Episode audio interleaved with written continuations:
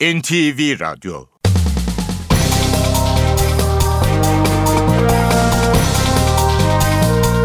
İşe Giderken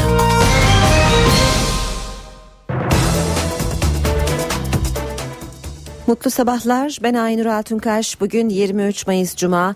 Haftanın son iş gününde işe giderkenle birlikteyiz. Türkiye ve dünya gündemine yakından bakacağız. Programın içinde Ayhan Aktaş'tan spor haberlerini alacağız. Gündemin başlıklarıyla başlayalım. Valiler kararnamesi dün gece resmi gazetede yayımlandı. Manisa valisi merkeze çekildi. Adana valisi Hüseyin Avni Coş Sakarya valiliğine getirildi. Dün İstanbul Ok Meydanı'nda düzenlenen gösterilere polis müdahalesi sırasında cemevinde başından vurulan Uğur Kurt hayatını kaybetti. Gece devam eden protesto gösterilerinde 7'si polis 9 kişi yaralandı. Yaralı vatandaşlardan birinin durumu ağır. Soma'daki maden kazasından kurtulan işçilerden 20'si adliyede ifade verdi. Meclis Genel Kurulu'nda CHP ve HDP'nin Soma'daki maden faciası nedeniyle Enerji ve Çalışma Bakanları hakkında verdiği gen soru önergeleri reddedildi. Başbakan Tayyip Erdoğan yarın yapacağı Almanya ziyareti öncesi Almanya Başbakanı Merkel'le telefonda görüştü. İstanbul Boğazı'nda sabaha karşı karaya oturan kuru yük gemisi kurtarıldı. Kuzey Irak petrolünün Türkiye üzerinden dünya pazarlarına sevkiyatı başladı. İşe Giderken gazetelerin gündemi.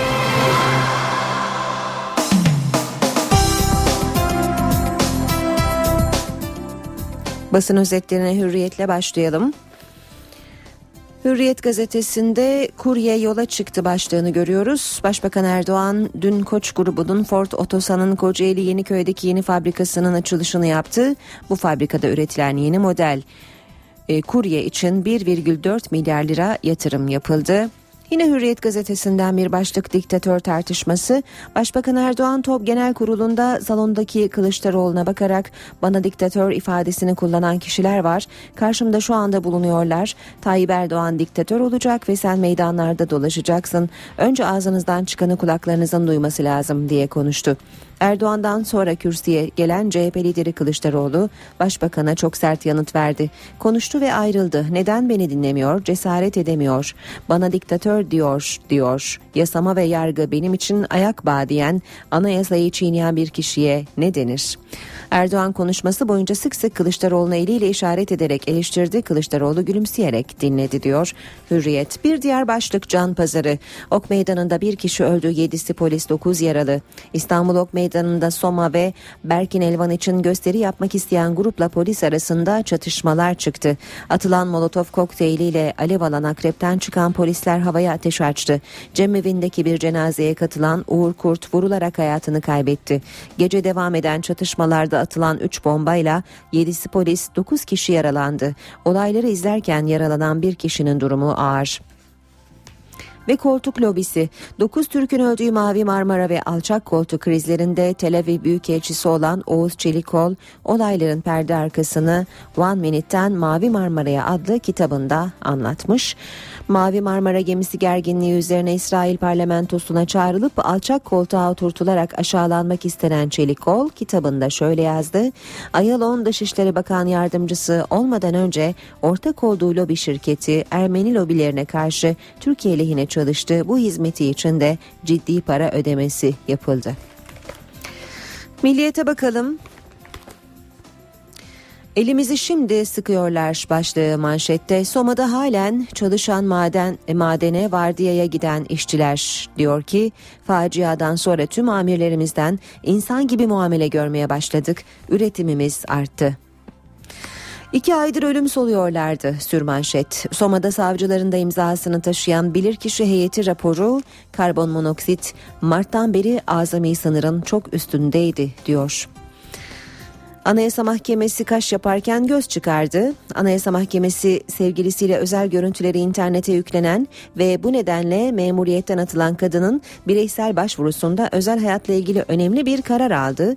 Cezanın özel hayatın gizliliğini ihlal olduğunu belirten Anayasa Mahkemesi kararı resmi gazetede mağdurun açık adını yazarak yayımladı. Kadının başvuru formunda kararın gizli kalma talebini belirttiği anlaşıldı. Devam ediyoruz sabah gazetesiyle 4 günlük stajyeri ocağa indirdiler. İşte Soma'da bal gibi iş cinayeti. Faciadan 4 gün önce işe giren 18 yaşındaki Uğur bir haftalık eğitimi tamamlamadan kazma kürekle ocağa sokuldu ve öldü. Patron insafına bırakmayacağız. Başbakan Erdoğan'dan Soma işçilerine güvence. Başbakan Erdoğan Somalı maden işçileriyle görüşmesinde şunları söyledi. İşçinin özlük hakları patronun insafına bırakılmayacak. İkramiyeyi yasal hale getireceğiz. İdari adli soruşturmada sonuna kadar gidilecek. Geride kalanları kesinlikle sahipsiz bırakmayacağız. Devam ediyoruz basın özetlerine. Cumhuriyet gazetesi var sırada. Kara tumba tedirginliği diyor manşet. Soma'daki şirket akıllanmadı. Vahşi üretim için hazırlık var. 301 işçinin ölmesi Soma kömür işletmelerinin üretim ve kar hırsını dindirmedi. CHP İzmir Milletvekili Erdal Aksünger, şirketin ışıklar ocağında kara tumba üretim modeline geçiş hazırlığı yaptığını söyledi. Aksünger, işletmede çalışanlar 1 Haziran'da kara tumbaya geçileceğini anlattı. İşçiler tedirgin diye konuştu. Genel Maden İş Başkanı Alabaş 2 milyon ton kapasiteli ocakta 2013'te 3,5 milyon ton üretim yapıldığına dikkat çekerek para hırsı işçileri ölüme yaklaştırmıştır dedi. Ocakta hizmet alımı yoluyla üretim yapıldığının ortaya çıkmasıyla da hükümetin sorumluluğu perçinlendi diyor Cumhuriyet haberinde. Cemevinde vurulan genç yaşamını yitirdi. İstanbul Ok Meydanı'nda Soma ve Berkin Elvan için protesto gösterisi yapan küçük bir gruba cemevi yakınına da polis müdahale etti. Göstericileri dağıtırken havaya ateş açan polisin sıktığı kurşunlardan birisi o sırada cemevindeki bir cenaze törenine katılan Uğur Kurt'a isabet etti diyor Cumhuriyet haberinde. Radikalle devam edelim. Bu artışı kim yaptı diyor manşet. Soma Holding'e 2012'de büyük kıyak yapıldı. Kömürün tonu 38 liradan 44,34 liraya, üretilen miktar da 1,5 milyon tondan 2,6 milyon tona yükseltildi. Sayıştay'ın raporuna da yansıyan kıyak şöyle gelişti. Ocak 2006'da park madenciliğe verildi. Ancak park taahhüdünü yerine getiremeyeceğini belirterek aynı koşullarla madeni 2009'da Alp Gürkan'a devretti. 2011 sonunda sözleşme bitti. O tarihte üretim 1,5 milyon ton, fiyatta 37 liraydı. 2012'de yeni sözleşme yapıldı. Fiyatta ve üretimde büyük artış sağlandı. Bu izni kim verdi? Soma Holding'in 191 metrelik kulesinde hem Büyükşehir hem de Şişli Belediyesi'nin izin ve onayı var. Soma'ya imsalsiz kıyak belediye meclis raporlarına da yansıdı diyor Radikal Gazetesi haberinde. Haber Türkiye bakalım. Tavan kalktı zam geldi. Enerji Piyasası Düzenleme Kurumu akaryakıtta tavana geri dönüş yapabiliriz diyor. Kurumun iki aylık tavan fiyat uygulaması dün sona erince akaryakıta zam yağdı. Artış benzinde litrede 5, motorinde ise 13 kuruşu buldu. Zamlar kurum başkanı Yılmaz'ı kızdırdı. Devlet şirketinin bile yüksek zam yapması bizi üzdü. Akaryakıtta tavana geri dönüş yapabiliriz. 432 yetim çocuk. Soma'da ölen 301 işçinin çocuklarının ortalama yaşı sadece 10. Aile Bakanı İslam şu bilgileri verdi. Soma'da şehit olan 301 maden işçisinden 255'i evli, 46'sı bekar, işçilerden 84'ünün çocuğu yok. 217'sinin çocuğu var. 432 çocuk babasız kaldı. Bu çocukların yaş ortalaması 10. Şu ana kadar 289 işçinin ailesine ulaşılabildi. Yeni Şafak gazetesi Köln tuzağı diyor. Alman polisi Erdoğan'ın yarın yapacağı Köln mitingi öncesinde akıl dışı güvenlik planlaması yaptı. İslam karşıtı Pro NRV partisine 40 bin gurbetçinin toplanacağı Lanxess Arena'nın 800 metre yakınında eylem izni verildi. Ankara bu planı kaygı verici olarak değerlendirdi. Zaman gazetesi provokatör değil 10 yıllık madenciyim diyor manşette. Başbakanlık müşavirinin tekmeni saldırısına uğrayan koca bıyığın açıklamaları. Şehir dışından gelen bir provokatör olmakla suçlanan koca bıyık aynı gün evine baskın yapılarak gözaltına alındığını söyledi. Dayımın oğlu ve arkadaşımı kaybettiğim için çok üzgünüm dedi. Yazıcıoğlu soruşturmasına takipsizlik diyor zaman sökülen cihazlar basitmiş diye de ekliyor. Bye. Saat 7.16 işe giderken de beraberiz. İstanbul Boğazı'nda sabaha karşı bir tehlikenin daha eşiğinden dönüldü. Anadolu Hisarı önünde bir kuru yük gemisi kıyıya metreler kara karaya oturdu, kala karaya oturdu. Gemi daha sonra kıyı emniyeti ekibinin yardımıyla kurtarıldı. Togo bandıralı Naval F isimli kuru yük gemisi Anadolu Hisarı İnönü Yalısı önünde karaya oturdu. Dümenin kilitlendiği iddia edilen gemiyi kurtarmak için kıyı emniyeti botları bölgeye sevk edildi. Gemi yaklaşık 2 saatlik çalışmaların ardından kurtarma teknelerinin desteğiyle yaptığı manevraların ardından karaya oturduğu yerden kurtuldu.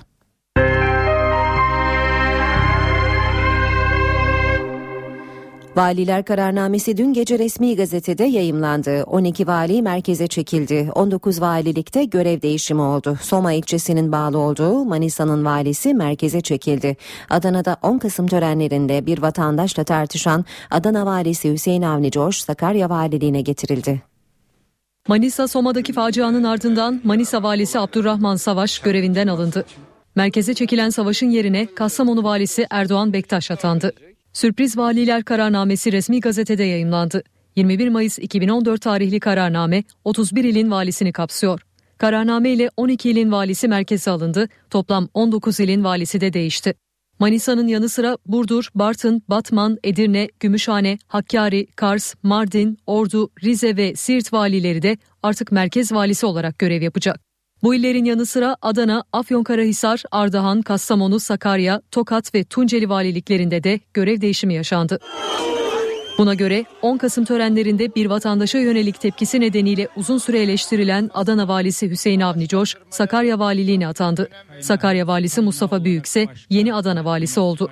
Dikkat çeken bir diğer görev değişimi Hakkari'de yaşandı. Hakkari valisi Necmettin Kalkan merkeze çekilirken yerine İçişleri Bakanlığı Eğitim Dairesi Başkanı Yakup Canbolat getirildi. Edirne valisi Hasan Duruer de merkeze çekilen isimler arasında yer alırken Edirne valiliği merkezden gelen bir isme Dursun Ali Şahin'e devredildi. İstanbul'un iki vali yardımcısı Ahmet Deniz ve Günay Özdemir ise Ardahan ve Kars valisi olarak görevlendirildi. Kararname ile dört kaymakam da vali oldu.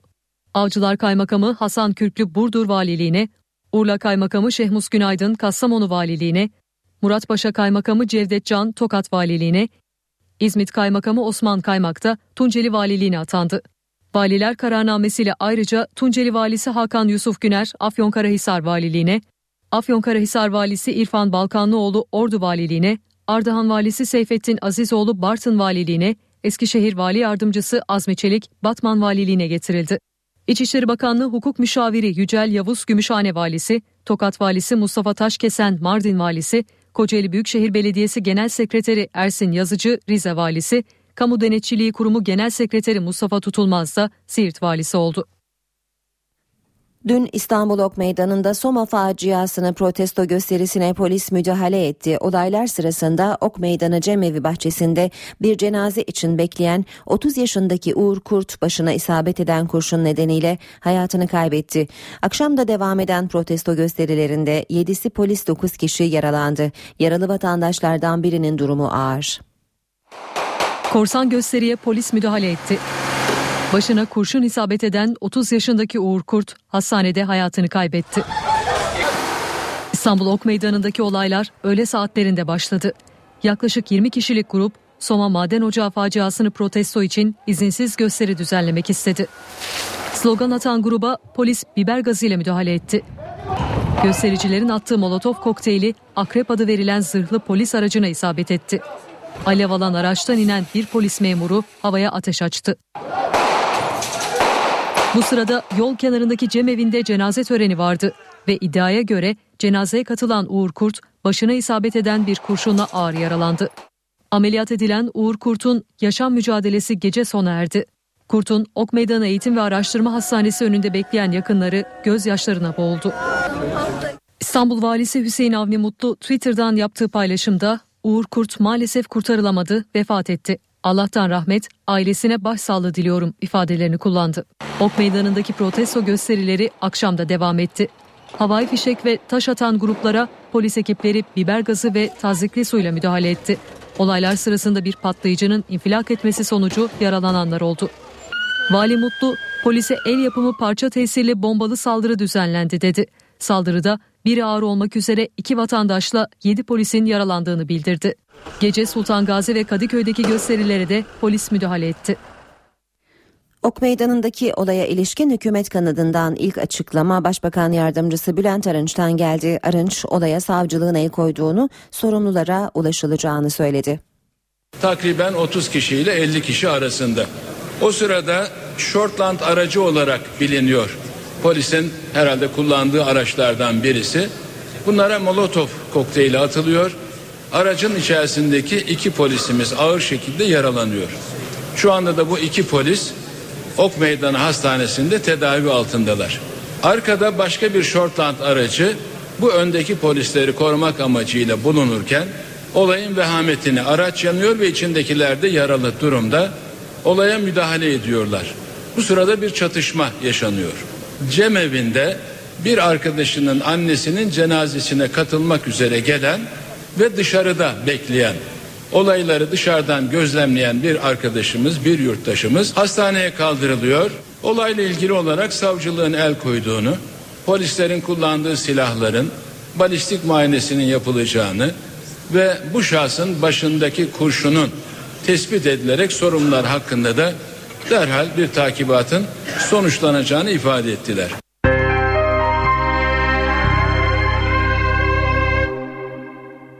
Başbakan Tayyip Erdoğan ve ana muhalefet lideri Kemal Kılıçdaroğlu dün Türkiye Odalar ve Borsalar Birliği Genel Kurulu'na katıldı. Önce kürsüye Başbakan Erdoğan çıktı. Konuşması bitince de salondan ayrıldı. Konuşma sırasında Başbakanın eleştiri tonu sertti. CHP liderinin yanıtı da aynı sertlikte oldu. Bakın bu ülkenin başbakanına diktatör ifadesini kullanan kişiler var. Karşımda şu anda bulunuyorlar. Tayyip Erdoğan diktatör olacak sen meydanlarda dolaşacaksın öyle mi? Yasama ve yargı benim için ayak bağıdır diyeceksiniz. Sonra bu ülkede demokrasiden söz edeceksiniz. Bana diktatör diyorsun. Sen nasıl diyorsun caddede geziyorsun diyor. Ben diktatör olsaydım sen gezemezdin diyor. E zaten bizi rahat bırakmıyorsun ki. Türkiye Odalar ve Borsalar Birliği'nin genel kurulu Başbakan Erdoğan ve CHP lideri Kılıçdaroğlu'nun söz düellosuna sahne oldu. Genel kurulda önce Başbakan Erdoğan konuştu. Kılıçdaroğlu'nun Cumhurbaşkanı sivil olma sözünü hatırlattı. Ne diyor başkan? Sivil bir cumhurbaşkanı diyor. Sen nesin? Sivil değil misin? Hadi aday ol. Ben de sivilim. Sayın Demirel sivil değil miydi? Hala apoletti arıyorsanız o ayrı bir mesele. Bana sordular. Eski bir genelkurmay başkanı Cumhurbaşkanı adayı olursa destekler misiniz? Sivil birisi olması gerektiğini söyledim. Sen de sivilsin ben de sivilim diyor. E ben zaten sana bir şey demedim ki. Başbakan CHP liderine anayasayı değiştirmek için yeni bir çağrı yaptı. Bütün Türkiye'ye sesleniyorum. Tayyip Erdoğan sözünün adamıdır. Eğer sözlerinin adamıysa gelsinler beraber bunu yapalım. 60 maddede uyum var, uzlaşma var. Gelin bu 60 maddeyi çıkaralım. Biz onların samimiyetine inanmıyoruz. Samimiyse gelin şu darbe hukukunu değiştirelim. Temel sorun nedir biliyor musunuz? Temel sorun aslında anayasa değildir. Temel sorun darbe yasalarıdır, darbe. Başbakan Erdoğan konuşmasını tamamladıktan sonra Kılıçdaroğlu'nun konuşmasını dinlemeden salondan ayrıldı. Ve CHP Genel Başkanı Kemal Kılıçdaroğlu başbakandan sonra kürsüye çıkmasına tepki gösterip top yönetimini eleştirdi. Ancak yönetim bu uygulamanın yeni değil geçmiş yıllara dayandığını duyurdu. TOB'un değerli yöneticilerine seslenmek istiyorum. Siz neden bu protokol kurallarına uymuyorsunuz? Top Genel Kurulu'nda protokol gerilimi yaşandı. Konuşması biten başbakan CHP Genel Başkanı Kılıçdaroğlu'nu dinlemeden salondan ayrıldı. Kılıçdaroğlu konuşma sırasına tepki gösterdi. Geçen yıl gelememiştim. Davet edilmediğim için. Bu yıl davet edildim geldim. Genel kurullarda devlet erkanı geldiği zaman konuşmalar hangi sırayla yapılır? Protokol kuralı vardır. Konuştu ve ayrıldı. Neden beni dinlemiyor? Cesaret edemiyor. Başbakanı uğurlayan Top Başkanı da CHP liderinin konuşmasının 13 dakikasında salonda yoktu. Kılıçdaroğlu'na Divan Başkanı Erdal Bahçıvan yanıt verdi. Türkiye Odalar Borsalar Birliği'nin genel kurullarında her zaman geçmişten bugüne konuşma sırasında devlet ricalinin programına göre muhtelif değişiklikler yapılabilmiştir. Genel kurulda Başbakan ve Kılıçdaroğlu tokalaşmadı. MHP Genel Başkanı Devlet Bahçeli'nin yerine Genel Başkan Yardımcısı Emin Haluk Ayhan katıldı. Kılıçdaroğlu ekonomi rakamlarından bahsederken eski bakan Ali Coşkun, Başbakan Yardımcısı Ali Babacan'a hesap makinesi verdi. Bakanlar kürsüye çıktığında ise dinleyici sıraları boştu. Manisa Soma'daki maden faciası ile ilgili ön bilirkişi raporu ortaya çıktı. Facia sırasında ocaktaki karbon monoksit seviyesinin normalden 10 kat fazla olduğu belirtildi. Maden ocağındaki karbon monoksit seviyesi normalden 10 kat fazlaydı. Tespit, facia ile ilgili ön bilirkişi raporunda yer alıyor. Manisa Soma'da 301 işçinin hayatını kaybettiği maden faciasının ardından iki Cumhuriyet Savcısıyla bilirkişi heyeti maden ocağında incelemelerde bulundu. Hazırlanan ön bilirkişi raporuna göre kaza geliyorum dedi.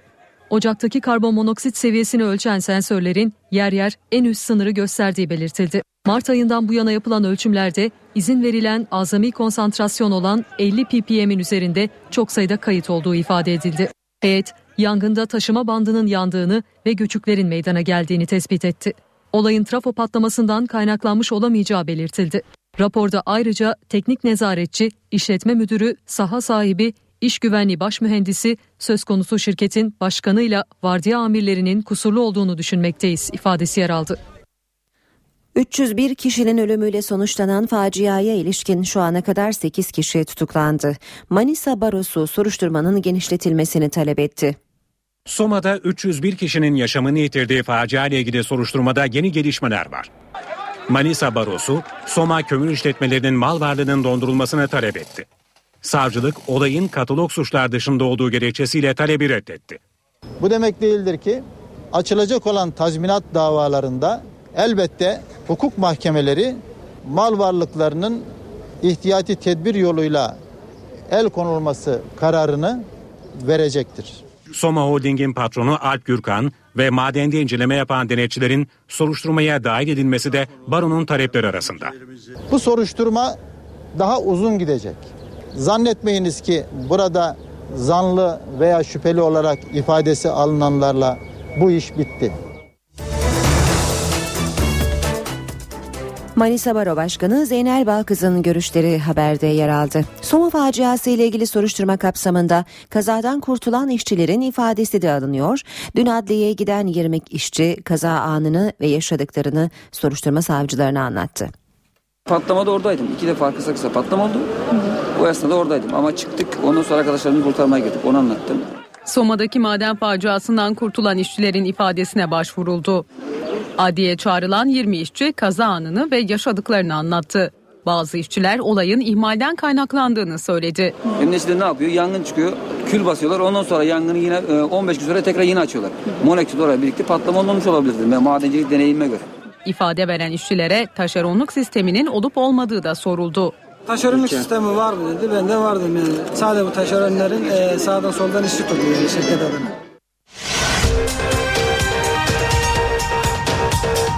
Valiler kararnamesi dün gece resmi gazetede yayımlandı. Manisa valisi merkeze çekildi. Adana valisi Hüseyin Avni Coş Sakarya valiliğine getirildi. Dün İstanbul Ok Meydanı'nda düzenlenen gösterilere polis müdahalesi sırasında cemevinde başından vurulan Uğur Kurt hayatını kaybetti. Gece devam eden protesto gösterilerinde 7'si polis 9 kişi yaralandı. Yaralı vatandaşlardan birinin durumu ağır. Soma'daki maden kazasından kurtulan işçilerden 20'si adliyede ifade verdi. Meclis Genel Kurulu'nda CHP ve HDP'nin Soma'daki maden faciası nedeniyle Enerji ve Çalışma Bakanları hakkında verdiği gen soru önergeleri reddedildi. Başbakan Tayyip Erdoğan yarın yapacağı Almanya ziyareti öncesi Almanya Başbakanı Merkel'le telefonda görüştü. İstanbul Boğazı'nda sabaha karşı karaya oturan kuru yük gemisi kurtarıldı. Kuzey Irak petrolünün Türkiye üzerinden dünya pazarlarına sevkiyatı başladı.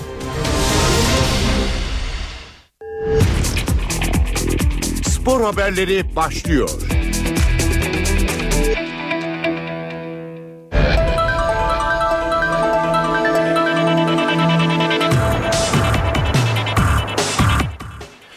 Günaydın ben Ayhan Aktaş spor gündeminden gelişmelerle birlikteyiz.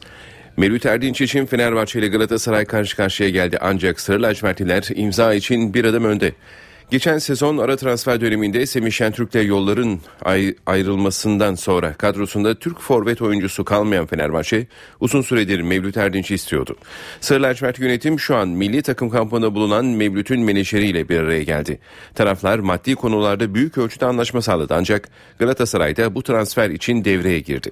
Başkan Ünal Aysal ve danışmanı Bülent Tulun bugün Mevlüt Erdinç'in menajeriyle görüştü. Başkan Aysal ve Tulun Sarı Kırmızılıların teklifini Mevlüt Erdinç cephesine iletti. Buna karşın gelen haberler Fenerbahçe'nin Mevlüt Erdinç transferinde imzaya daha yakın taraf olduğu yönünde. Fenerbahçe iki maç daha ceza aldı. Sarı lacivertli kulüp yeni sezonda sahasındaki ilk üç maçını kadın ve çocuklar önünde oynayacak. Disiplin kurulu Fenerbahçe'ye verilen cezanın gerekçesini, gerekçesini Kayseri Spor maçında yapılan çirkin ve kötü tezahürat olarak açıkladı. Aynı eylemin bu sezon 7. kez yapıldığı hatırlatıldı. Talimat gereği 7. ve sonrasındaki tekrarlarda seyircisiz oynama cezası iki maça çıkıyor. Sarı lacivertli kulüp geçtiğimiz haftada Karabük Spor maçında çirkin ve kötü tezahürat nedeniyle bir maç ceza almıştı. Bu durumda Fenerbahçe önümüzdeki sezon kuralda değişiklik olmazsa Kadıköy'deki ilk 3 maçını kadın ve çocuklar önünde oynayacak. Teknik direktör Ersun Yanal'ın imzası sonrası Fenerbahçe'de gözler sözleşmesi sona erecek Caner Erkin'e çevrildi.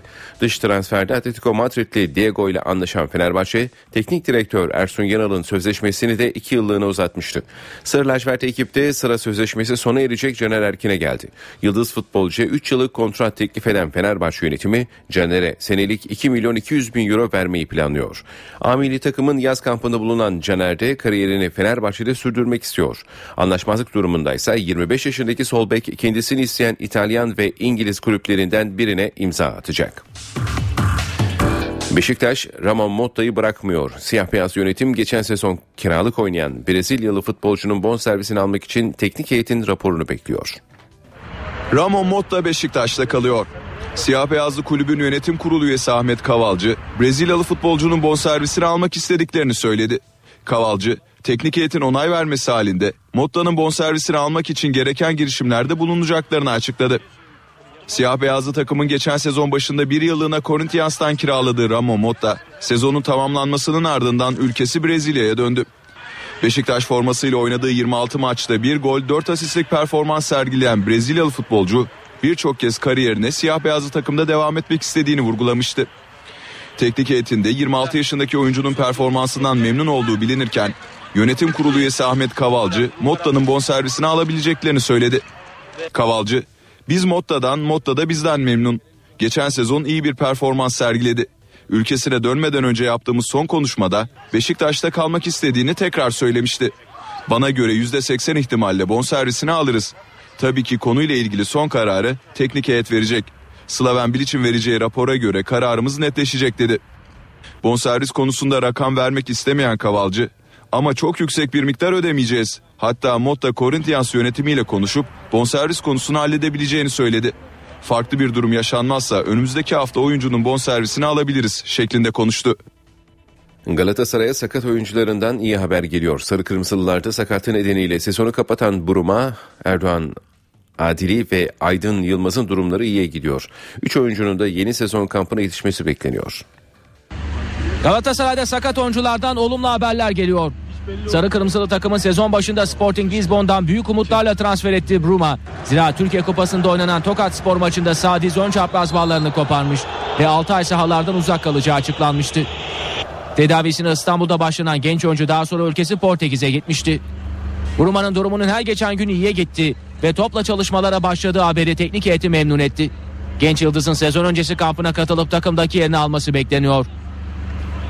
Galatasaray'ın Basel takımından transfer ettiği Endoğan Adili de yabancı kontenjanının dolu olması nedeniyle sarı kırmızılı ekiple yalnızca antrenmanlara çıkıyordu. Genç futbolcu antrenmanda çapraz bağlarını koparmış ve sezonu kapatmıştı. Ameliyat sonrası çalışmalara başlayan Endoğan'ın durumu iyiye gidiyor. Genç oyuncu sezon öncesi kampına yetişmeye çalışıyor. Elazığ Spor'la oynanan Zira Türkiye Kupası mücadelesinde ayağı kırılan Aydın Yılmaz'dan da olumlu haberler geliyor. Aydın'ın düz koşulara başladığı belirtildi. Önceki gün sol dizinden ameliyat olan Umut Bulu da gözünden başarılı bir operasyon geçiren Semih'in de kampa katılmasında sorun yok.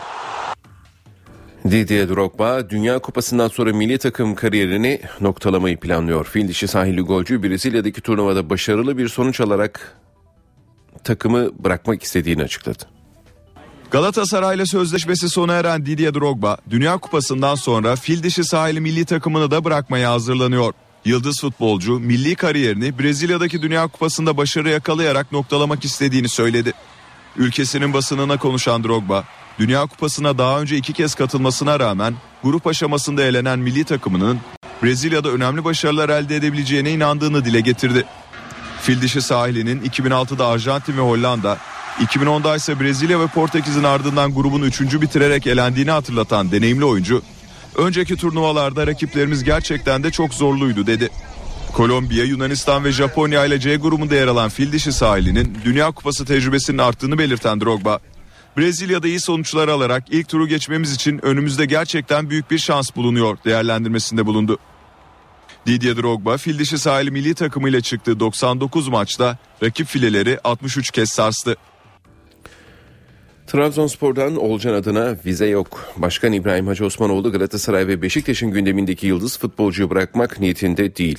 Borca Mavillerin forvet transferi için adayı ise Bafetimbi Gomis. Futbolda transfer döneminin resmen açılması için geri sayım sürerken ismi en çok konuşulan oyunculardan biri Olcan Adın. Trabzonspor'un yıldız futbolcusu Galatasaray ve Beşiktaş'ın gündeminde. İki kulüp Olcan'ı alabilmek için birbirleriyle yarışıyor. Ancak Trabzonspor kulübü bu sezon gösterdiği performansa dikkatleri üzerine çeken Olcan'ı bırakmaya niyetli değil. Başkan İbrahim Hacı Osmanoğlu Bordo Mavili kulüple bir yıl daha sözleşmesi olan yıldız oyuncuyla masaya oturmak ve sözleşmesini uzatmak istiyor. Öte yandan Trabzonspor'un dış transfer politikası da belli oldu. Yönetim forvet ve 10 numara pozisyonuna takviye yapmak için kolları sıvadı. Bordo Mavililerin forvet adayı ise Beşiktaş ve Galatasaray'ın gündeminde olan Buffett'in Gomis. Başkan İbrahim Hacı Osmanoğlu'nun önümüzdeki günlerde Fransız futbolcunun menajeriyle görüşmesi ve resmi teklifi sunması bekleniyor. Bursa Spor 24. başkanını seçiyor.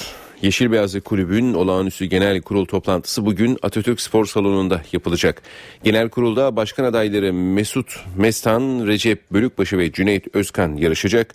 Kongrede 3378 üye oy kullanacak Divan Kurulu Başkanı Kadir Şenkaya, üye olmayanların ve kimlik kartı bulunmayan kişilerin salona alınmayacağını ve her üyeye girişte bileklik takılacağını belirtti. Gençler Birliği'nde görüş ayrılığı baş gösterdi. Yönetimle transfer konusunda anlaşamayan teknik direktör Mehmet Özdilek ayrılık noktasına geldi. Süper Lig'de sezonu 45 puanla 9. sırada tamamlayan Gençler Birliği'nde teknik direktör Mehmet Özdilek'le Başkan İlhan Cavcav arasında görüş ayrılığı yaşanıyor. Transfer konusunda Cavcav'la anlaşamayan Özdilek'in istediği futbolcularda ısrarlı olması nedeniyle görevinden ayrılabileceği öğrenildi. Gençler Birliği Kulübü Başkanı İlhan Cavcav konuya ilişkin yaptığı açıklamada teknik direktör Özdilek'le konuştuklarını belirterek pazartesi günü teknik direktörümüz son kararını bize bildirecek dedi. Mehmet Özdilek Gençler Birliği'nin başına 8. haftada geçti ve kırmızı siyahlılarla 26 maça çıktı. Bu maçlardaki istatistikler sonucunda topladığı 41 puanlı ekibini Fenerbahçe, Galatasaray, Beşiktaş ve Kardemir Karabükspor'un ardından 5. sıraya çıkardı. Genç teknik adam ayrıca görevi süresince de 1.58 puan ortalamasını tutturmayı başardı. Milli takımlar teknik direktörü Fatih Terim oyuncuların yaz kampındaki hırsından ve isteğinden duyduğu memnuniyeti dile getirdi. Kosova maçına forma giyen genç oyuncuların performansını öven tecrübeli çalıştırıcı milli takım havuzunu daha da genişletmek için çalıştıklarını söyledi. Milli takımlar teknik direktörü Fatih Terim, Ay Yıldızlıların Dublin yolculuğu öncesinde kampla ilgili değerlendirmelerde bulundu. Kosova maçındaki futboldan memnun kaldığını dile getiren tecrübeli çalıştırıcı, sonuçtan çok oyun önemliydi. Rakibini bilen ve saygı duyan bir ekibin disiplinli oyununu gördüm. Her oyuncunun istekli olması, kendini gösterme çabası sevindirici dedi. Kosova karşısında farkın artmasından sonra Terim'in daha fazla gol atılmamasını istediği öne sürülmüştü. Terim maçın ardından çıkan bu haberlerin gerçeği yansıtmadığını söyledi. Takımı geriye çekmediğini belirten Fatih Terim, skor artınca yeter filan demedim. Önemli olan buraya gelmemizdi. Milli takımı sahaya çıkmasıydı esas maç. Sonuç olarak bir milli maç oynadık. Onu at bunu atma diyemezdik diye konuştu. Kosova karşısında forma giyen genç oyuncuların performansını öven tecrübeli teknik adam Ozan, Tarık ve İshak gibi oyuncular iyi başladı. Ozan daha 18-19 yaşında. Tarık iki tarafta da oynayabilecek kapasitede. İshak hem içeri hem dışarı iyi işler yapıyor. Bu yeteneklerden 10-15 tane daha bulmalıyız dedi. Uzun vadede başarı için milli takım havuzunun genişlemesi gerektiğine dikkat çeken Fatih Terim, en az 25 kişilik bir kadro hedefliyoruz. Bir oyuncumuz sakatlandığında yerine kimi koyacağımızı düşünmemeliyiz. Kosova maçında Ozan'ın performansı örnek oldu. O yaştaki herkes şu an ben de milli takıma gelebilirim diyebilir. Sıkıntımız takımlarında oynamamaları. Oynamaları gerekiyor. Bu kadronun içinde olması gereken birçok oyuncu var ama maalesef çok fazla şans bulamadıkları için iyi durumda değiller ifadelerini kullandı. Yabancı sınırlaması ile ilgili yapılan tartışmalara da değinen Terim, Türkiye'nin tribünde oturacak yabancıya verecek parası var mı? Ben bu pencereden bakıyorum. Herkes de öyle bakmalı diye konuştu. Türkiye Futbol Federasyonu'nun bu sezon uygulamaya başladığı genç futbolcu teşvik sisteminden faydalanan kulüpler belli oldu. Teşvikler Süper Lig takımlarından sadece Gençler Birliği yararlanırken listede PTT 1. Lig'de 4 kulüp yer aldı. Türkiye Futbol Federasyonu Yönetim Kurulu'nun almış olduğu kararla 2013-2014 sezonunda uygulanan genç futbolcu teşvik sisteminden faydalanan kulüpler belli oldu. Süper Lig takımlarından tek takımın yer aldığı listede PTT 1. Lig'den 4 kulüp var. Türkiye Futbol Federasyonu'ndan yapılan açıklamaya göre Süper Lig'de Ahmet Yılmaz Çalık'ı toplam 2601 dakika oynatan Gençler Birliği kulübüne 150 bin lira ödenecek. Bolu Spor formasıyla PTT 1. Lig'de 2621 dakika oynayan Emre Kılınç için 100 bin, 2752 dakika süre alan Batuhan İşçilerle 1977 dakika oynayan Taylan Antalyalı için Buca Spor'a 200 bin, toplam 1567 dakika forma giyen Tekten Denizli Sporlu Şevki Çınar için kulübüne 100 bin ve Canberk Aydın'ı toplam 1353 dakika oynatan Samsun Spor'a 100 bin lira teşvik ödenecek. Diğer yandan Türkiye Futbol Federasyonu Yönetim Kurulu geçen sezon Spor Toto Süper Lig ve PTT 1. Lig'de uygulanan genç futbolcu teşvik sisteminin 2014-2015 sezonunda tüm profesyonel liglerde uygulanmasına karar verildi. Bu haberimizde spor bültenimizi tamamlıyoruz. İyi günler diliyoruz. NTV Radyo. Günaydın herkese yeniden işe giderken de haberler devam edecek. Bu saate hava durumuyla başlayacağız ama önce gündemin başlıkları. Valiler kararnamesi dün gece resmi gazetede yayımlandı. Manisa valisi merkeze çekildi. Adana valisi Hüseyin Avni Coş Sakarya valiliğine getirildi. Dün İstanbul Ok Meydanı'nda düzenlenen gösterilere polis müdahalesi sırasında cemevinde başından vurulan Uğur Kurt hayatını kaybetti. Gece devam eden protesto gösterilerinde 7'si polis 9 kişi yaralandı. Yaralı vatandaşlardan birinin durumu ağır. Soma'daki maden kazasından kurtulan işçilerden 20'si adliyede ifade verdi. Meclis Genel Kurulu'nda CHP ve HDP'nin Soma'daki maden faciası nedeniyle Enerji ve Çalışma Bakanları hakkında verdiği gen soru önergeleri reddedildi. Başbakan Tayyip Erdoğan yarın yapacağı Almanya ziyareti öncesi Almanya Başbakanı Merkel'le telefonda görüştü. İstanbul Boğazı'nda sabaha karşı karaya oturan kuru yük gemisi kurtarıldı. Kuzey Irak petrolünün Türkiye üzerinden dünya pazarlarına sevkiyatı başladı. Gökhan Abur'la beraberiz hava durumu için. Hoş geldiniz, günaydın. Merhaba, hoş bulduk. Hafta sonu geldi. Bugün ve hafta sonu için neler tahmin ettiniz? Evet bugün yine yer yer yağışlar var. Bu yağışlar zaman zaman kuvvetlenecek ki şu an itibariyle Orta Karadeniz'e Karabük Kastamonu arasındaki bulutlanma yağış bırakmaya başladı. Ee, aynı şekilde Sinop Samsun arasında yağışlar giderek kuvvetlenecek. İç kesimlerde Konya civarına, Konya Aksaray arasında aralıklarla yağışlar var ve bunlar da gün içinde giderek kuvvetlenecek ve Antalya'nın doğu kesimlerinden başlayarak Karadeniz, Akdeniz bölgemize de yine yağış var. E, akşama doğru artan bulutlanmayla birlikte Trakya'da da yağışın başlamasını bekliyoruz. Evet yağışlı bir haftaya giriyor ülke geneline baktığımızda rüzgarlar batı bölgelerde çok kuvvetli eseceği için hissedilen sıcaklıklarda bugün yine düşük olacak. Yarın da rüzgarlar sert esmeye devam edecek ama pazar günden itibaren rüzgarın zayıflaması ve özellikle pazartesiden itibaren güneye dönmesiyle birlikte sıcaklıkların bugüne göre ülke genelinde daha da yükselmesini bekliyoruz. Evet bugün iç kesimlerde kuvvetli sağanaklar görülürken yarın bu yağışlar özellikle Batı Akdeniz'de ve Orta İç Anadolu bölgemize doğuda daha kuvvetli olmak üzere devam edecek.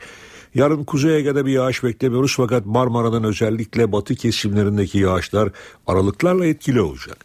Bu yağışların Ege'de yağış görülmezken yarın için doğudaki yağışlar giderek kuvvetlenecek ki bunlar sağanak yağmurlar şeklinde olacak. Trakya'da yine aralıklarla yağış var yarın için. Pazar günü ise Güney Ege'de yağış beklemiyoruz ama bunun dışında özellikle iç kesimlerde ve doğudaki yağışlar yine aralıklarla etkisini sürdürmeye devam edecek diyebilirim. Önümüzdeki haftada yağışlar yer yer kuvvetli olmak üzere iç ve doğu kesimlerdeki etkisini sürdürecek ama biraz evvel söylediğim gibi rüzgarın zayıflaması ve güneye dönmesiyle sıcaklıklar yükselecek. Tabii bu hızlı yükseliş batı bölgelerde ara verecek yağışların özellikle önümüzdeki haftanın ikinci yarısından sonra tekrar başlamasına sebep olabilecek. Bu detayları sizlerle daha sonra görüşeceğiz evet. ama en azından bu hafta sonu ülkenin büyük çoğunluğunda yağış olduğunu şimdiden vurgulamak isterim. Gökhan Abur teşekkürler. NTV Radyo. İşe giderken haberler devam ediyor. Başbakan Erdoğan hafta sonu yapacağı Almanya ziyareti öncesi Almanya Başbakanı Merkel'le bir telefon görüşmesi yaptı. Görüşme talebi Başbakan Erdoğan'dan geldi. İki liderin görüşmesinde Erdoğan'ın hafta sonu yapacağı ziyaretin yanı sıra Soma'da yaşanan maden faciası da konuşuldu. Erdoğan Merkel görüşmesinin önemli başlıklarından bir diğeri de Ukrayna oldu. İki lider Rusya'nın Kırım'ı uluslararası hukuka aykırı şekilde topraklarını ilhak ettiğinde görüş birliğine vardı. Bu durumun kabul edilemez olduğunu teyit etti. Başbakan Erdoğan Türkiye Odalar ve Borsalar Birliği Genel Kurulu'nda Soma'daki maden faciasına da değindi. Hiçbir şey eskisi gibi olmayacak dedi. Bu yaşanan facianın ardından Türkiye'de hiçbir şey değerli arkadaşlar eskisi gibi olamaz. Çok acı, bedeli çok ağır olan bir hadise yaşadık. Hiçbir şey eskisi gibi olmayacak. Başbakan Tayyip Erdoğan Soma faciası ile ilgili net konuştu. Facianın hesabı sorulacak, yeni adımlar atılacak dedi. AFAD'da toplanan bu desteklerle birlikte gerek bu mağdur mazlum durumda olan tüm şehitlerimizin ailelerine konut yapımından tutunuz, yavrularının okumasına, istihdamına varıncaya kadar her şeyi planlamış vaziyetteyiz. Başbakan Erdoğan Türkiye Odalar ve Borsalar Birliği'nin genel kurulunda konuştu. Kazalar bu işin fıtratında var sözleriyle ilgili eleştirileri yanıtladı. Bütün tedbirleri almak zorundasınız. Tevekkül asla ve asla tedbirsizlik anlamına gelmez. Tayyip Erdoğan kaza ve kadere iman eder. Kaza ve kadere iman asla ve asla her şeyi akışına bırakmak anlamına gelmez. Yasalara, mevzuata aykırı bir işleyiş varsa bunu tespit ediyorsak buna karşı da yaptırımları uygularız. Bunun ötesi artık işverenin, iş yerinin ve çalışanın sorumluluğu altındadır. Başbakan hedefin iş kazalarının önüne geçmek olduğunu söyledi. Son 12 yılda ülkemizdeki iş yeri sayısı yüzde 111 arttı. Çalışan sayısı aynı şekilde yüzde 128 oranında arttı. İş yeri sayısı ve işçi sayısı bu kadar artarken iş kazası oranı yüzde 55 oranında azaldı. Bu yeterli mi? Elbette değil. Hedef sıfıra doğru bunu yaklaştırmak. Mecliste dün gündem Soma faciasıydı. Genel kurulda CHP ve HDP'nin Soma'daki maden faciası nedeniyle Enerji ve Çalışma Bakanları hakkında verdiği gen soru önergeleri görüşüldü. Önergeler AK Parti milletvekillerinin oylarıyla reddedildi. Görüşmeler sırasında Çalışma Bakanı Faruk Çelik, taşeron sisteminin yasama yılı bitmeden kaldırılacağını açıkladı. Meclis Genel Kurulu zaman zaman gerginliklere de sahne oldu. Muhalefetin Soma faciası ile ilgili hükümete yönelik tepkisi sürüyor. CHP facianın sorumluları arasında tuttuğu Enerji Bakanı Taner Yıldız ve Çalışma Bakanı Faruk Çelik'in istifa etmesini istiyor. Ancak bakanlar istifayı konuşmanın zamanı olmadığı görüşünde. Şu anda madencilerin durumunu konuşuyoruz. Ee, biz bu konularda e, koltuk meselesini kendi geleceği meselesi haline getirmiş insanlar değiliz yani. Soma'da yaşanan maden faciasının ardından gözler iki bakanda. Muhalefet, Enerji Bakanı Taner Yıldız ve Çalışma Bakanı Faruk Çelik'in istifa etmesini istiyor. İki bakana sesleniyorum. Onurunuzu, gururunuzu, şerefinizi Recep Tayyip Erdoğan'ın iki dudağının ucuna teslim etmeyin. Ve onurluca bu işin siyasi sorumluluğunu üstlenerek istifa edin. Ancak Enerji Bakanı Taner Yıldız'a göre şimdi istifaları konuşmanın zamanı değil. En kolay e, olanını söylüyorsunuz. Aynen işletmelerde olduğu gibi. Bu işin siyasi sorumluluğunda biz iki tane bakanlık olarak zaten bunları yürütüyoruz. CHP ayrıca Başbakan Recep Tayyip Erdoğan'a da çağrıda bulundu. CHP Grup Başkan Vekili Engin Altay, Başbakanın Soma'da bir vatandaşa tokat attığı iddiasını hatırlattı. Özür dilememesi ve çıkıp ben böyle bir harekette saldırıda bulunmadım dememesi halinde meclise geldiği vakit başbakanı protesto edeceğimizin peşinen söylüyorum. Çözüm sürecinde yeni bir yasal düzenleme beklentisi Ankara'da konuşulan başlıklardan. Başbakan Yardımcısı Beşir Atalay yeni çalışmalar olabilir süreç yürüyor dedi. Başkent Ankara'da çözüm sürecine ilişkin hareketli günler yaşanıyor.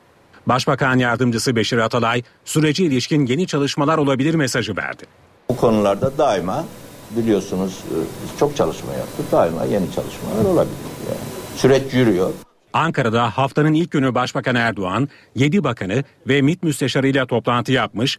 Bu zirvenin gündemi de çözüm sürecini değerlendirme olarak duyurulmuştu. Şu günlerde doğru görüşmelerimiz oldu. Zaman zaman oluyor zaten. Diyalog mekanizmalarımız kesilmiyor. Ama e, yaptığımız çalışmalarla ilgili veya yapacağımız e, biz kendimiz açıklama yaparız. Bizden duymadıkça e, teyit etmeyin. Yani o konuda pek çok çalışma var. Her zaman olabilir.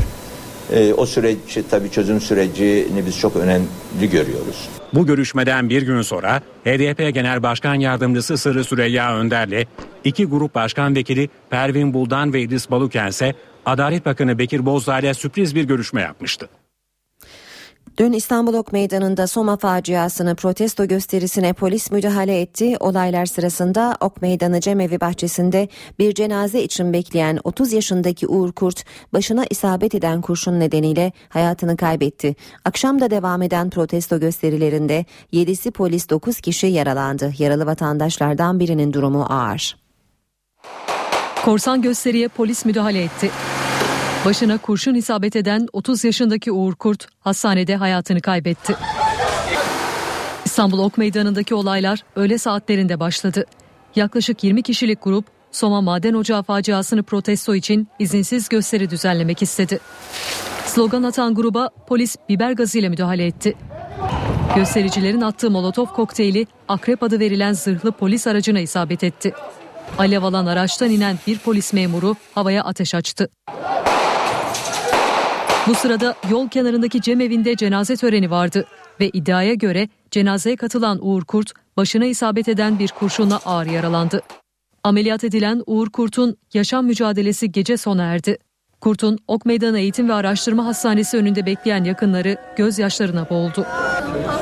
İstanbul Valisi Hüseyin Avni Mutlu Twitter'dan yaptığı paylaşımda Uğur Kurt maalesef kurtarılamadı, vefat etti. Allah'tan rahmet, ailesine başsağlığı diliyorum ifadelerini kullandı. Ok meydanındaki protesto gösterileri akşamda devam etti. Havai fişek ve taş atan gruplara polis ekipleri biber gazı ve tazikli suyla müdahale etti. Olaylar sırasında bir patlayıcının infilak etmesi sonucu yaralananlar oldu. Vali Mutlu, polise el yapımı parça tesirli bombalı saldırı düzenlendi dedi. Saldırıda biri ağır olmak üzere iki vatandaşla yedi polisin yaralandığını bildirdi. Gece Sultan Gazi ve Kadıköy'deki gösterilere de polis müdahale etti. Başkent gündemiyle devam ediyoruz reklamların ardından saat 8.19 karşımızda NTV muhabiri Miray Aktağ Uluç var. Miray günaydın. Günaydın Aynur. Haftanın son iş günündeyiz. Başkent nasıl bitiriyor haftayı? Haftanın son iş gününde başkent Ankara gündeminde yine yoğun olduğunu söyleyebiliriz Aynur. Türkiye bugün Ok Meydanı'nda yaşananları konuşacak. Başına isabet eden kurşunla Umut Kurt'un hayatını kaybetmesine neden olan olayın yankıları bugün başkent Ankara'dan yakından takip edilecek. Bu başlığın yanı sıra Türkiye'nin ana gündemi bugün de değişmeyecek günlerdir olduğu gibi Soma'da 301 maden işçisinin hayatını kaybettiği facianın ardından yaşananlar, yürütülen çalışmalar ve operasyonlar tartışılmaya devam ediliyor. Peki hangi platformlarda olacak bu? Başkent sabah saatlerinde Soma'daki maden ocağından sorumlu sendik olan Türkiye Maden İşleri Sendikası'nın bağlı olduğu Türk İş'in Genel Başkanı Ergün Atalay'ın basın toplantısına ev sahipliği yapacak. Türk İş facianın ardından madendeki çalışma koşulları ve taşeronlaştırmaya göz yumduğu gerekçesiyle eleştirilerin odağında kalmıştı. Türk İş Başkanı'nın hem bu eleştirilere yanıt vermesi hem de madendeki çalışma koşulları ve ihmal iddiaları ile ilgili bilgilendirme yapması bekleniyor. Türk İş Genel Başkanı bu basın toplantısının ardından Çankaya Köşkü'ne çıkacak. ve Cumhurbaşkanı Abdullah Gül'le bir, e, bir araya gelecek bir görüşme yapacak. Ona da facianın neden ve nasıl olmuş olabileceğine ilişkin görüşlerini aktaracak.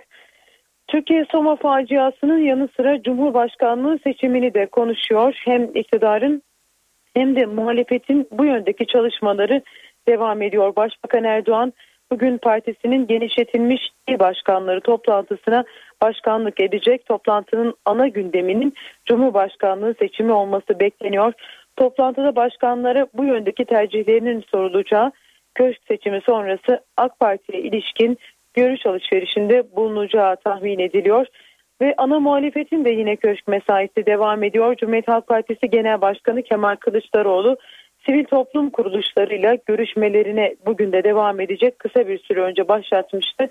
CHP lideri Türkiye Esnaf ve Sanatkarlar Konfederasyonu'nu ziyaret etmişti önceki gün. Bugünkü durağı ise Türkiye Ziraat Odaları Birliği ve Türkiye Barolar Birliği olacak. CHP Genel Başkanı'nın ve köşk seçimine ilişkin görüş alışverişinde bulunacak CHP lideri Kemal bir ayak daha Uluç başkent gündemini aktardı. NTV Radyo'da işe giderken haberler devam ediyor. Ford Otosan'ın Gölcük Yeniköy fabrikası törenle hizmete girdi. Başbakan Erdoğan da açılış törenine katıldı. Başbakan Recep Tayyip Erdoğan, Türk mühendisler tarafından tasarlanmış araca bindi. Direksiyon koltuğunda ise Ford Başkanı Bill Ford vardı. Başbakan Erdoğan, Ford Otosan'ın Gölcük Yeniköy fabrikasının açılış törenindeydi. Yerli otomobil markası geliştirmemiz konusunda bir teklifim hatta ısrarım var. Yerli otomobil markası konusunda ortaya tabii bazı itirazlar konuluyor. Eksikler bahsediliyor. Ama artık bunların birer birer ortadan kaldırmak suretiyle bu işin altyapısını kuruyoruz. Biz bu konuda üzerimize düşeni yapmaya devam edeceğiz. Ama sektörden de cesur adımlar atmalarını bekliyoruz. Yerli otomobil talebini bir kez daha dile getiren Başbakan konuşmasının ardından Türk mühendisler tarafından tasarlanan otomobile bindi. Aracı Ford Başkanı Bill Ford kullandı. Arka koltukta ise Ford Otosan Yönetim Kurulu Başkanı Ali Koç'la Koç Holding Yönetim Kurulu Başkanı Mustafa Koç vardı. Turun ardından Başbakan fabrikada üretilen ilk ticari araca imzasını attı. Törende Başbakan'a otomobil şeklinde plaketle verildi. Amerika Birleşik Devletleri Başkan Yardımcısının Kıbrıs ziyaretinden çözüm sürecini hızlandırma kararı çıktı.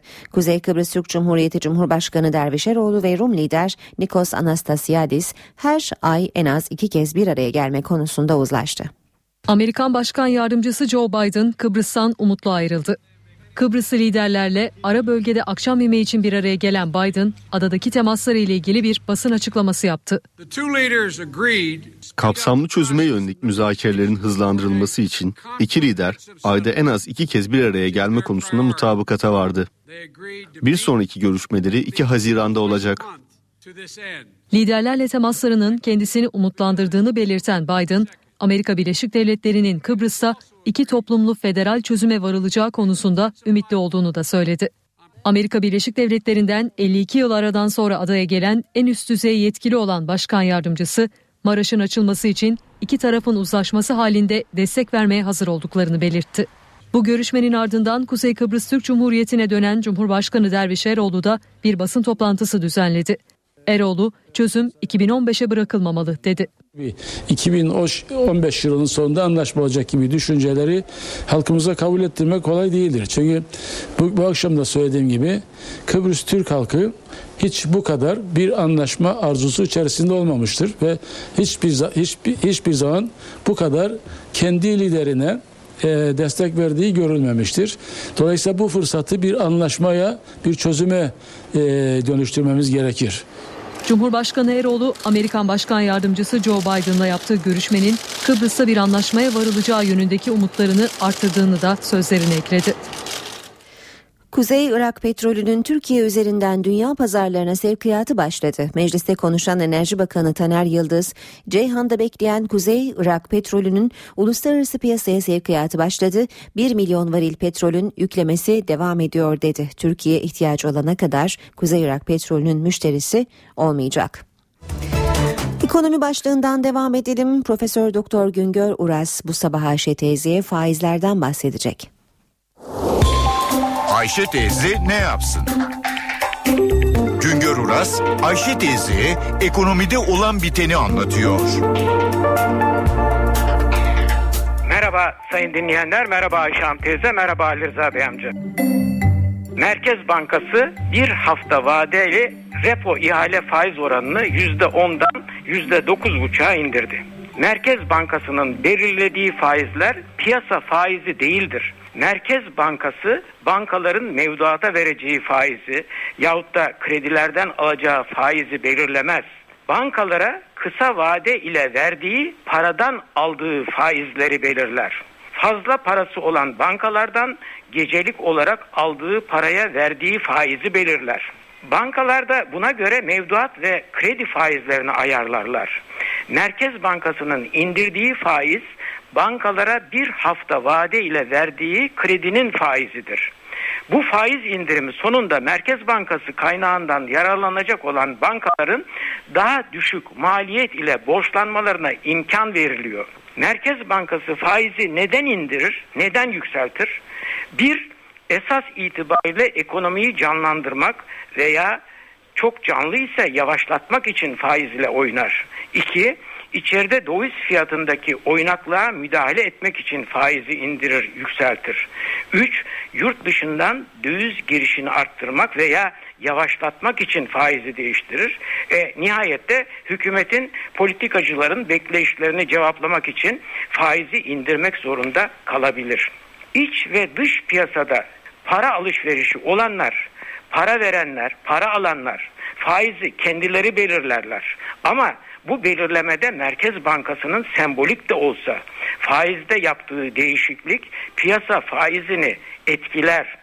Merkez Bankası'nın yarım puanlık indirimi iç piyasaya şimdi nasıl yansıyacak?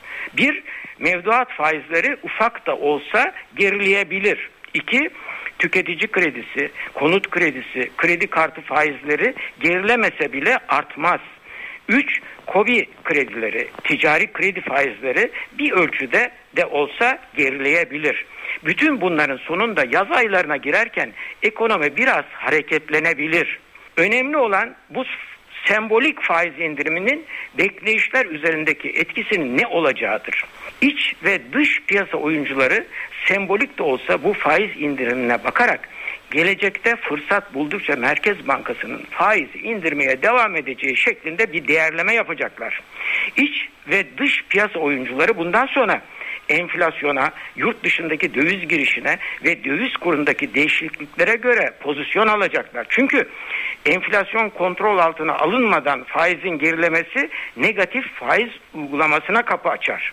Yurt dışından döviz girişlerinde cari faiz oranları enflasyon ve döviz kurundaki oynaklık giriş miktarını ya azaltır ya çoğaltır.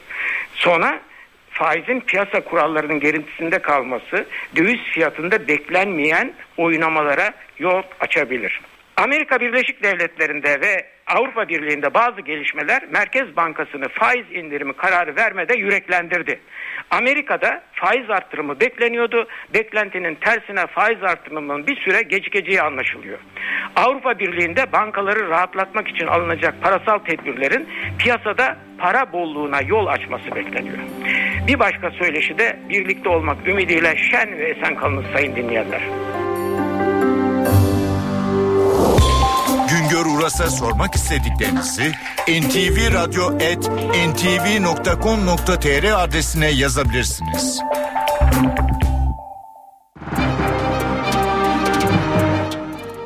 Piyasalardaki rakamları aktarmadan önce bir yeni gelişme duyuralım. Uluslararası Kredi Derecelendirme Kuruluşu Standard Poor's Türkiye'nin kredi notunu BB artı olarak teyit ederken görünümünü negatif olarak belirledi.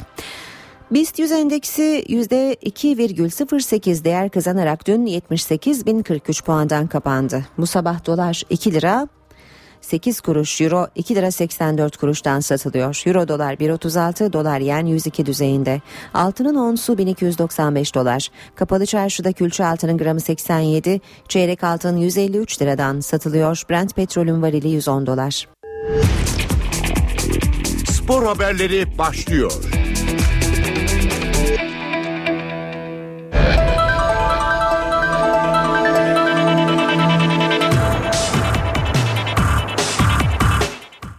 Bir kez daha günaydın. Spor gündeminden gelişmelerle karşınızdayız. Ben Ayhan Aktaş. Mevlüt Erdinç için Fenerbahçe ile Galatasaray karşı karşıya geldi ancak Sarı Lacivertliler imza için bir adım önde. Geçen sezon ara transfer döneminde Semih Şentürk'le yollarını ayırdıktan sonra kadrosunda Türk forvet oyuncusu kalmayan Fenerbahçe uzun süredir Mevlüt Erdinç'i istiyordu. Sarı lacivert yönetim şu an milli takım kampında bulunan Mevlüt'ün menajeriyle bir araya geldi. Taraflar maddi konularda büyük ölçüde anlaşma sağladı ancak Galatasaray'da bu transfer için devreye girdi. Başkan Ünal Aysal ve danışmanı Bülent Tulun Mevlüt Erdinç'in menajeriyle görüştü. Başkan Aysal ve Tulun Sarı Kırmızılıların teklifini Mevlüt Erdinç cephesine iletti. Buna karşın gelen haberler Fenerbahçe'nin Mevlüt Erdinç transferinde imzaya daha yakın taraf olduğu yönünde. Fenerbahçe iki maç daha ceza aldı. Sarı lacivertli kulüp yeni sezonda sahasındaki ilk 3 maçını kadın ve çocuklar önünde oynayacak. Disiplin kurulu Fenerbahçe'ye verilen cezanın gerekçesini Kayseri Spor maçında yapılan çirkin ve kötü tezahürat olarak açıkladı. Aynı eylemin bu sezon 7. kez yapıldığı hatırlatıldı. Talimat gereği 7. ve sonrasındaki tekrarlarda seyircisiz oynama cezası 2 maça çıkıyor. Sarı lacivertli kulüp geçtiğimiz haftada Karabük Spor maçına çirkin ve kötü tezahürat nedeniyle bir maç ceza almıştı. Teknik direktör Ersun Yanal'ın imzası sonrası Fenerbahçe'de gözler sözleşmesi sona erecek Caner Erkin'e çevrildi. Dış transferde Atletico Madrid'li Diego ile anlaşan Fenerbahçe teknik direktör Ersun Yanal'ın sözleşmesini de 2 yıllığına uzatmıştı. Sarı lacivertli ekipte sıra sözleşmesi sona erecek Caner Erkin'e geldi. Yıldız futbolcuya 3 yıllık kontrat teklif eden Fenerbahçe yönetimi Caner'e senelik 2 milyon 200 bin euro vermeyi planlıyor. A takımın yaz kampında bulunan Caner de kariyerini Fenerbahçe'de sürdürmek istiyor. Anlaşmazlık durumundaysa 25 yaşındaki sol bek kendisini isteyen İtalyan ve İngiliz kulüplerinden birine imza atacak. Galatasaray'a sakat oyuncularından iyi haber geliyor. Sarı Kırmızılılarda sakatı nedeniyle sezonu kapatan Buruma, Erdoğan Adili ve Aydın Yılmaz'ın durumları iyiye gidiyor. 3 oyuncunun da yeni sezon kampına yetişmesi bekleniyor. Galatasaray'da sakat oyunculardan olumlu haberler geliyor. Sarı Kırmızılı takımın sezon başında Sporting Lisbon'dan büyük umutlarla transfer ettiği Bruma. Zira Türkiye Kupası'nda oynanan Tokat Spor maçında sağ diz ön çapraz bağlarını koparmış ve 6 ay sahalardan uzak kalacağı açıklanmıştı. Tedavisine İstanbul'da başlanan genç oyuncu daha sonra ülkesi Portekiz'e gitmişti. Bruma'nın durumunun her geçen gün iyiye gitti ve topla çalışmalara başladığı haberi teknik heyeti memnun etti. Genç Yıldız'ın sezon öncesi kampına katılıp takımdaki yerini alması bekleniyor. Galatasaray'ın Basel takımından transfer ettiği Endoğan Adili de yabancı kontenjanının dolu olması nedeniyle sarı kırmızılı ekiple yalnızca antrenmanlara çıkıyordu.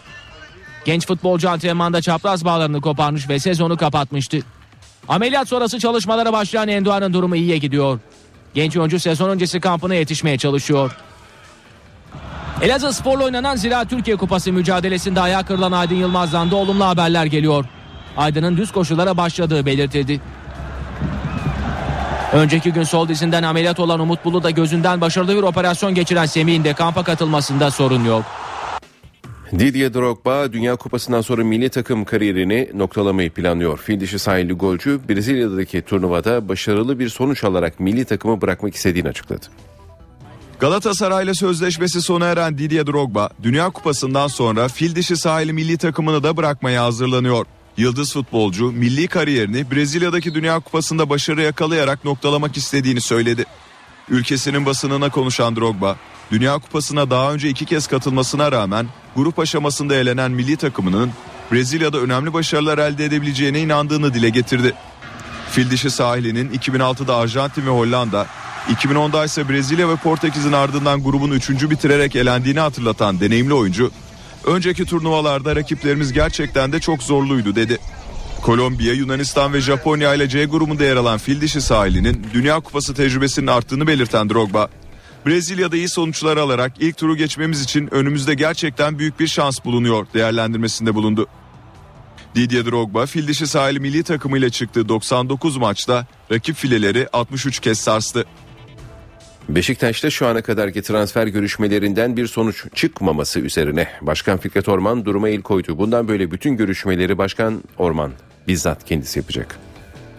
Yeni sezon öncesi transfer çalışmalarını sürdüren Beşiktaş'ta belirlenen isimlerle görüşmeleri Başkan Fikret Orman gerçekleştirecek. Kadrosuna 3 yabancı 2 yerli futbolcu katmak için çalışmalarını sürdüren Beşiktaş'ta arayışlar sürüyor. Bugüne kadar Diego, Rodrigo Moledo, Dani Miguel, Buffetin Gomis, Rafael van der Vaart, Julian Lescott gibi isimlerle görüşmeler yapan siyah beyaz yönetim henüz yeni bir oyuncuyu kadrosuna katamadı. Özellikle ilgilenilen bazı futbolcuların basına sızması ve transferin gerçekleşmemesinin ardından Başkan Orman tüm yetkileri kendinde topladı.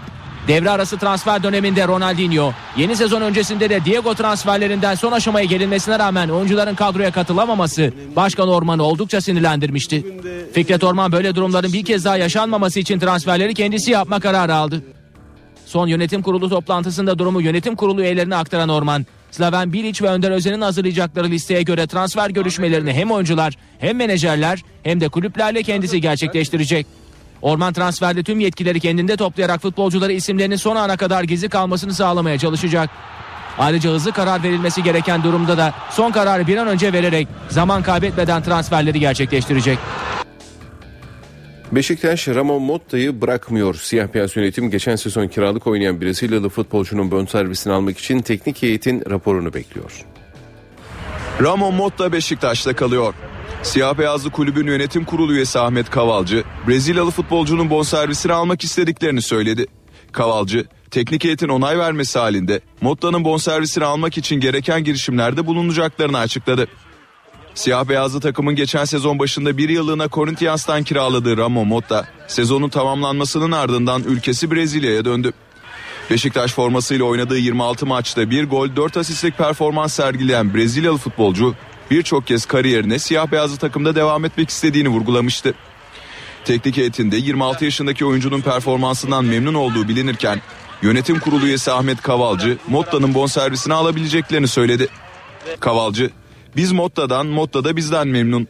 Geçen sezon iyi bir performans sergiledi. Ülkesine dönmeden önce yaptığımız son konuşmada Beşiktaş'ta kalmak istediğini tekrar söylemişti. Bana göre %80 ihtimalle bonservisini alırız. Tabii ki konuyla ilgili son kararı teknik heyet verecek. Slaven Bilic'in vereceği rapora göre kararımız netleşecek dedi. Bonservis konusunda rakam vermek istemeyen Kavalcı ama çok yüksek bir miktar ödemeyeceğiz. Hatta Motta Corinthians yönetimiyle konuşup bonservis konusunu halledebileceğini söyledi. Farklı bir durum yaşanmazsa önümüzdeki hafta oyuncunun bonservisini alabiliriz şeklinde konuştu.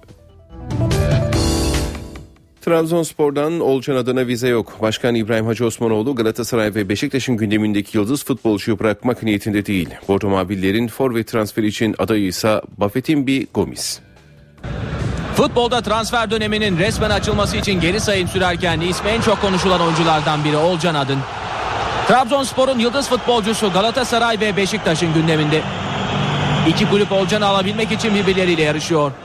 Ancak Trabzonspor kulübü bu sezon gösterdiği performansa dikkatleri üzerine çeken Olcan'ı bırakmaya niyetli değil. Başkan İbrahim Hacı Osmanoğlu Bordo Mavili kulüple bir yıl daha sözleşmesi olan yıldız oyuncuyla masaya oturmak ve sözleşmesini uzatmak istiyor. Öte yandan Trabzonspor'un dış transfer politikası da belli oldu. Yönetim forvet ve 10 numara pozisyonuna takviye yapmak için kolları sıvadı. Bordo Mavililerin forvet adayı ise Beşiktaş ve Galatasaray'ın gündeminde olan Buffetin Gomis. Başkan İbrahim Hacı Osmanoğlu'nun önümüzdeki günlerde Fransız futbolcunun menajeriyle görüşmesi ve resmi teklifi sunması bekleniyor.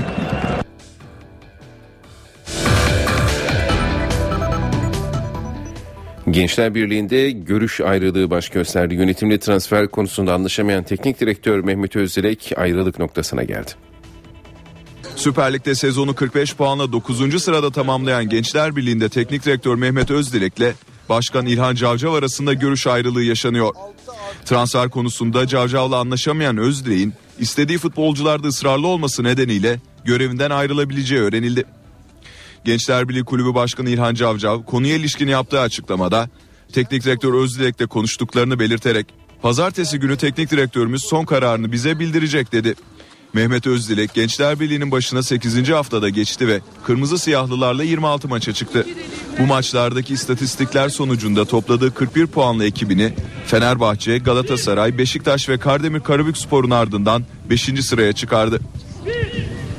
Genç teknik adam ayrıca görevi süresince de 1.58 puan ortalamasını tutturmayı başardı. Bursa Spor 24. başkanını seçiyor. Yeşil Beyazlı Kulübün olağanüstü genel kurul toplantısı bugün Atatürk Spor Salonu'nda yapılacak. Genel kurulda başkan adayları Mesut Mestan, Recep Bölükbaşı ve Cüneyt Özkan yarışacak.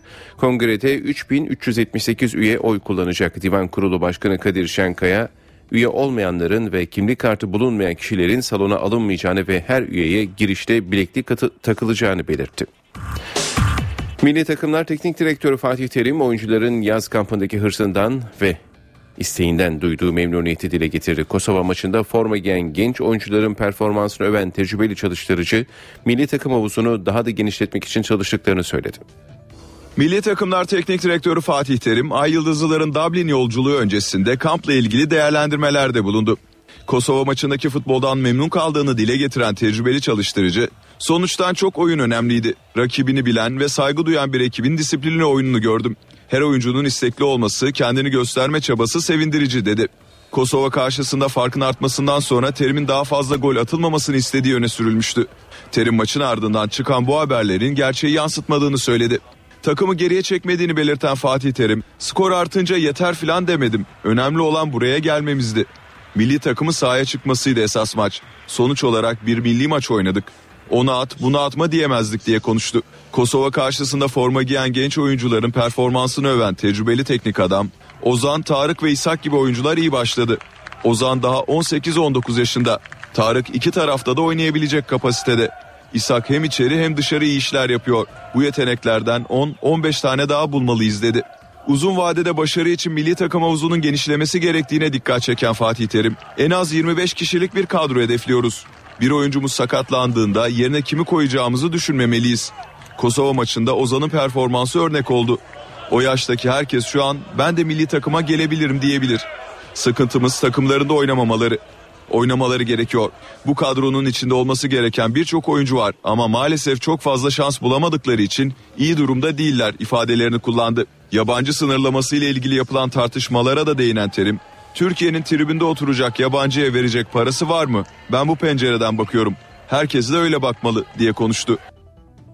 Türkiye Futbol Federasyonu'nun bu sezon uygulamaya başladığı genç futbolcu teşvik sisteminden faydalanan kulüpler belli oldu. Teşvikten Süper Lig takımlarından sadece Gençler Birliği yararlanırken listede PTT 1. Lig'de 4 kulüp yer aldı. Türkiye Futbol Federasyonu Yönetim Kurulu'nun almış olduğu kararla 2013-2014 sezonunda uygulanan genç futbolcu teşvik sisteminden faydalanan kulüpler belli oldu. Süper Lig takımlarından tek takımın yer aldığı listede PTT 1. Lig'den 4 kulüp var. Türkiye Futbol Federasyonu'ndan yapılan açıklamaya göre Süper Lig'de Ahmet Yılmaz Çalık'ı toplam 2601 dakika oynatan Gençler Birliği kulübüne 150 bin lira ödenecek. Bolu Spor formasıyla PTT 1. Lig'de 2621 dakika oynayan Emre Kılınç için 100 bin, 2752 dakika süre alan Batuhan İşçilerle 1977 dakika oynayan Taylan Antalyalı için Buca Spor'a 200 bin, toplam 1567 dakika forma giyen Tekten Denizli Sporlu Şevki Çınar için kulübüne 100 bin ve Canberk Aydın'ı toplam 1353 dakika oynatan Samsun Spor'a 100 bin lira teşvik ödenecek. Diğer yandan Türkiye Futbol Federasyonu Yönetim Kurulu geçen sezon Spor Toto Süper Lig ve PTT 1. Lig'de uygulanan genç futbolcu teşvik sisteminin 2014-2015 sezonunda tüm profesyonel liglerde uygulanmasına karar verildi. Erkekler Basketbol Ligi playoff yarı final serisinde ilk round Fenerbahçe Ülker'in lacivertli takım Pınar Karşıyaka'yı ilk maçta 88-69 yenerek eşleşmede 1-0 öne geçti. Fenerbahçe Ülker Türkiye Erkekler Basketbol Ligi playoff yarı final serisinin ilk maçında Pınar Karşıyaka'ya şans tanımadı. Rakibini Fenerbahçe Ülker Sports Arena'da ağırlayan Sarı lacivertli takım maça 6-0'lık seriyle girdi ve ilk çeyreği 20-18 önde tamamladı. Pınar Karşıyaka ikinci periyodun sonlarında önce skoru 28-28'de eşitledi ardından 34-28 öne geçti. Temposunu yükselten Fenerbahçe 8-0'lık seri sonrası devreyi 36-34 önde bitirdi. Fenerbahçe Ülker üstün oynadığı 3. çeyrekte skoru da elinde tuttu. Karşılıklı 3 sayılık basketlerin atıldığı mücadelede Sarı lacivertli ekip son periyoda da 59-53 üstün girdi. Son çeyreğe Bogdanovic'in pota altından Kleyza ile de dışarıdan bulduğu sayılarla hızlı bir giriş yapan Sarı lacivertliler fark 11 sayıya kadar çıkardı. Karşıyaka'nın çabalarına hızlı hücumlarla karşılık veren Fenerbahçe Ülker mücadeleyi 88-69 kazandı ve seride 1-0 öne geçti. Sarı lacivertlilerde Kleyza 17, Oğuz Savaş 14 sayıyla skora önemli katkı yaptı. Pınar Karşıyaka'da Dibbler 18 sayıyla maçın en skorer ismi oldu. Seride ikinci maç cumartesi günü yine Ülker Sports Arena'da yapılacak. Erkekler Basketbol Ligi'nde geçen sezonun finalistleri bu sezon yarı finalde karşılaşacak. Banvit'le Galatasaray Live Hospital arasındaki playoff yarı final serisinde ilk maç bugün saat 19'da oynanacak. Bu haberimizle spor haberlerimizi tamamlıyoruz. İyi günler diliyoruz. NTV Radyo